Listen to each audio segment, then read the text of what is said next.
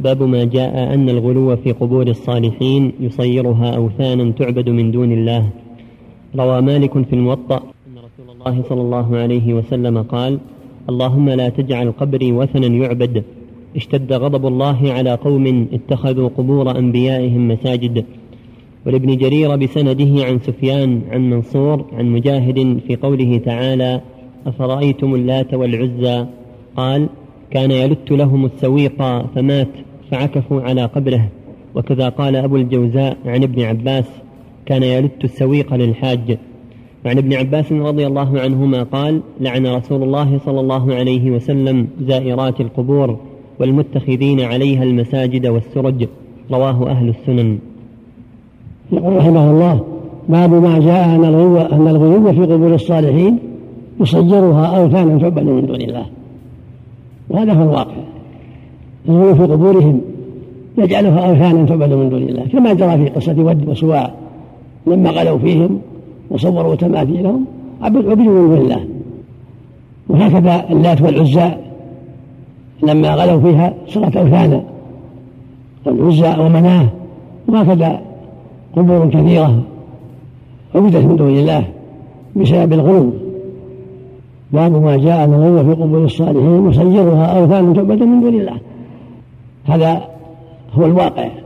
قال الله تعالى أفرأيتم اللات والعزى ومناة الثالثة جاء في تفسيرها أن اللات كان يلت السبق للحاج يعني يحسن فيهم فلما مات عكفوا على قبره. واتخذه وثنا يعبد من دون الله. وعبدوا صخرته التي كان يمت الصويق عليها. وهذا من جهلهم وضلالهم. وهم ثقيف. أهل الطائف ذاك الوقت. ومعهم من شاركهم في ذلك. وأهل مكة عبدوا العزى والشجرة. وهكذا الأوس والخزر وغيرهم ممن كان حولهم من أهل المدينة عبدوا منات وهي صخرة من مسلح عند قديد. وكان حول الكعبة 360 صنع منها هبل كانت تعبد من دون الله. وهكذا ذو خاصة كان يعبد من دون الله. والآن في في مصر قبر الحسين والبدوي وغيرهم تعبد من دون الله. وفي العراق عبد القادر الجيلاني قبره يعبد من دون الله وفي الشام ابن عربي وجماعة اتخاذ قبورهم أوثانا كل هذا من بسبب الغلو وهكذا في أمصار كثيرة. لما غلوا فيهم اتخذوا قبورهم أوثانا فالواجب الحذر من ذلك. الواجب على المسلمين أن يحذروا هذا. القبور تزار للدعاء لهم. قال الرسول صلى الله عليه وسلم زوروا القبور فإنها تذكركم الآخرة. وكان صلى الله عليه وسلم يعلم أصحابه. إذا زاروا القبور أن يقولوا السلام عليكم أهل الديار من المؤمنين والمسلمين وإنا إن شاء الله بكم لاحقون. نسأل الله لنا ولكم العافية. يرحم الله المستقدمين منا والمستأخرين. يدعى لهم. نسأل لهم العافية. ما يدعون من دون الله. يدعى لهم. محتاجينهم للدعاء. الأموات محتاجون للدعاء إذا كانوا مسلمين.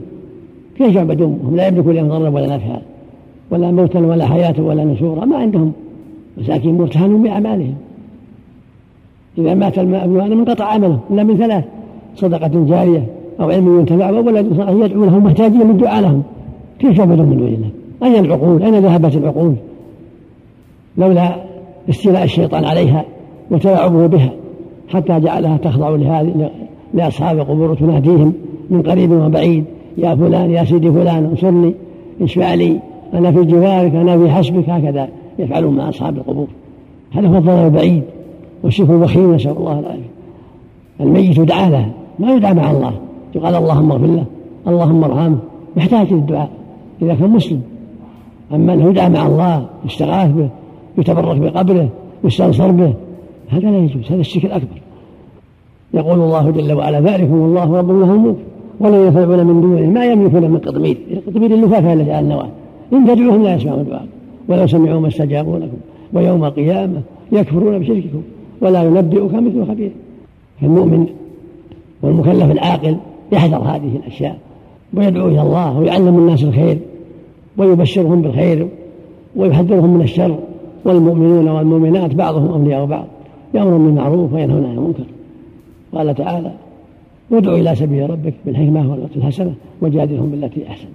ويقول سبحانه ومن أحسن قولا ممن دعا إلى الله وعمل صالحا وقال إنني من المسلمين. وقال جل وعلا قل هذه يا قل يا محمد للناس هذه سبيلي أدعو إلى الله على بصيرة. فالمؤمن يدعو إلى الله يرغب الناس في الخير يحذرهم من الشر يبين لهم أن الله هو المبعوث بالحق هو الذي يدعى ويرجى هو الذي يصلى له يذبح له ينذر له. أما الأموات والأصنام والأشياء فلا. الأموات المسلمين يدعى لهم ويترحم عليهم. وأموات الكفار لا يدعى لهم ولا يستغفر لهم. والأحجار والأشجار ما عندها. حل ولا عقد؟ ولا تملك شيء لنفسها ولا لغيرها. جماد لا يملك شيئا. لكن إذا ضاعت العقول زينها الشرك الباطل. هؤلاء إن عبدوها من دون الله ضاعت عقولهم لعبها الشيطان. حتى عبدوا الأشجار والأحجار والأموات والأصنام والنجوم. لذهاب العقول وفساد العقول. وإلا فأي شيء عند ميت أو جبل أو حجر أو شجر أو صنم أو نجم أي شيء عنده. لا يملك شيئا. يقول جل وعلا ويعبدون من دون الله ما لا يضرهم ولا ينفعهم ويقولون هذا شفعاؤنا عند الله رد الله عليه بقوله ولا تنبئون الله بما لا يعلم في السماوات والأرض سبحانه وتعالى عما يشركون. ويقول جل وعلا فاعبد الله مخلصا له الدين ألا لله الدين الخالص والذين اتخذوا من أولياء ما نعبدهم إلا ليقربون يعني يقولون ما نعبدهم إلا ليقربونا الله رد الله عليهم بقوله إن الله يحكم بينهم فيما هم فيه يختلفون. إن الله لا يهدي من هو كاذب كفر. سماهم كذبة كفرة. في زعمهم أن هذه قبور وأهلها يقربونها زلفى قال سبحانه إن الله يحكم بينهم فيما هم فيه يختلفون. إن الله لا يهدي من هو كاذب كفر. كذب في قولها تقرب زلفى كفر بدعائهم إياهم واستغاثتهم وتعلقهم بهم. والواجب على كل من لديه علم أن ينشر العلم ويعلم الناس ولا سيما في البلاد التي يقع فيها الشرك ينذرهم ويبصرهم ويدعوهم إلى الله ويخبرهم أن العباد حق الله. وقضى ربك ألا تعبدوا إلا إياه. وما أمروا إلا ليعبدوا الله مخلصين له الدين حنفاء. وما خلقت الجن والإنس إلا ليعبدون. يا أيها الناس اعبدوا ربكم. والعبادة جامعة. تجمع الدعاء والخوف والرجاء والذبح والنذر والصلاة والصوم. كل هذا لله وحده. لهذا خلق الناس. خلق الجن والإنس. وبهذا أمروا. ولكن زين لهم الشياطين سوء أعمالهم. حتى وقعوا في الشرك. فأقام الله علماء الحق من السلف والخلف علماء الدين علماء الحق بالدعوة إلى الله وتبصير الناس. منهم الشيخ الإمام محمد صاحب هذا الكتاب الذي أقامه الله في القرن الثاني عشر يدعو الناس إلى توحيد الله في نجد في الرياض وما حولها وفي أطراف المملكة حتى دخل الناس في هذه المملكة في دين الله في هذه الجزيرة وانتشرت الدعوة في اليمن ثم انتقلت انتقلت الدعوة بيد العلماء إلى الهند وإلى العراق وإلى الشام وإلى غيرها فهدى الله بها من هدى على يد علماء الحق من علماء الهند ومن علماء الشام ومن علماء العراق وغيرهم لما اتضح لهم الحق.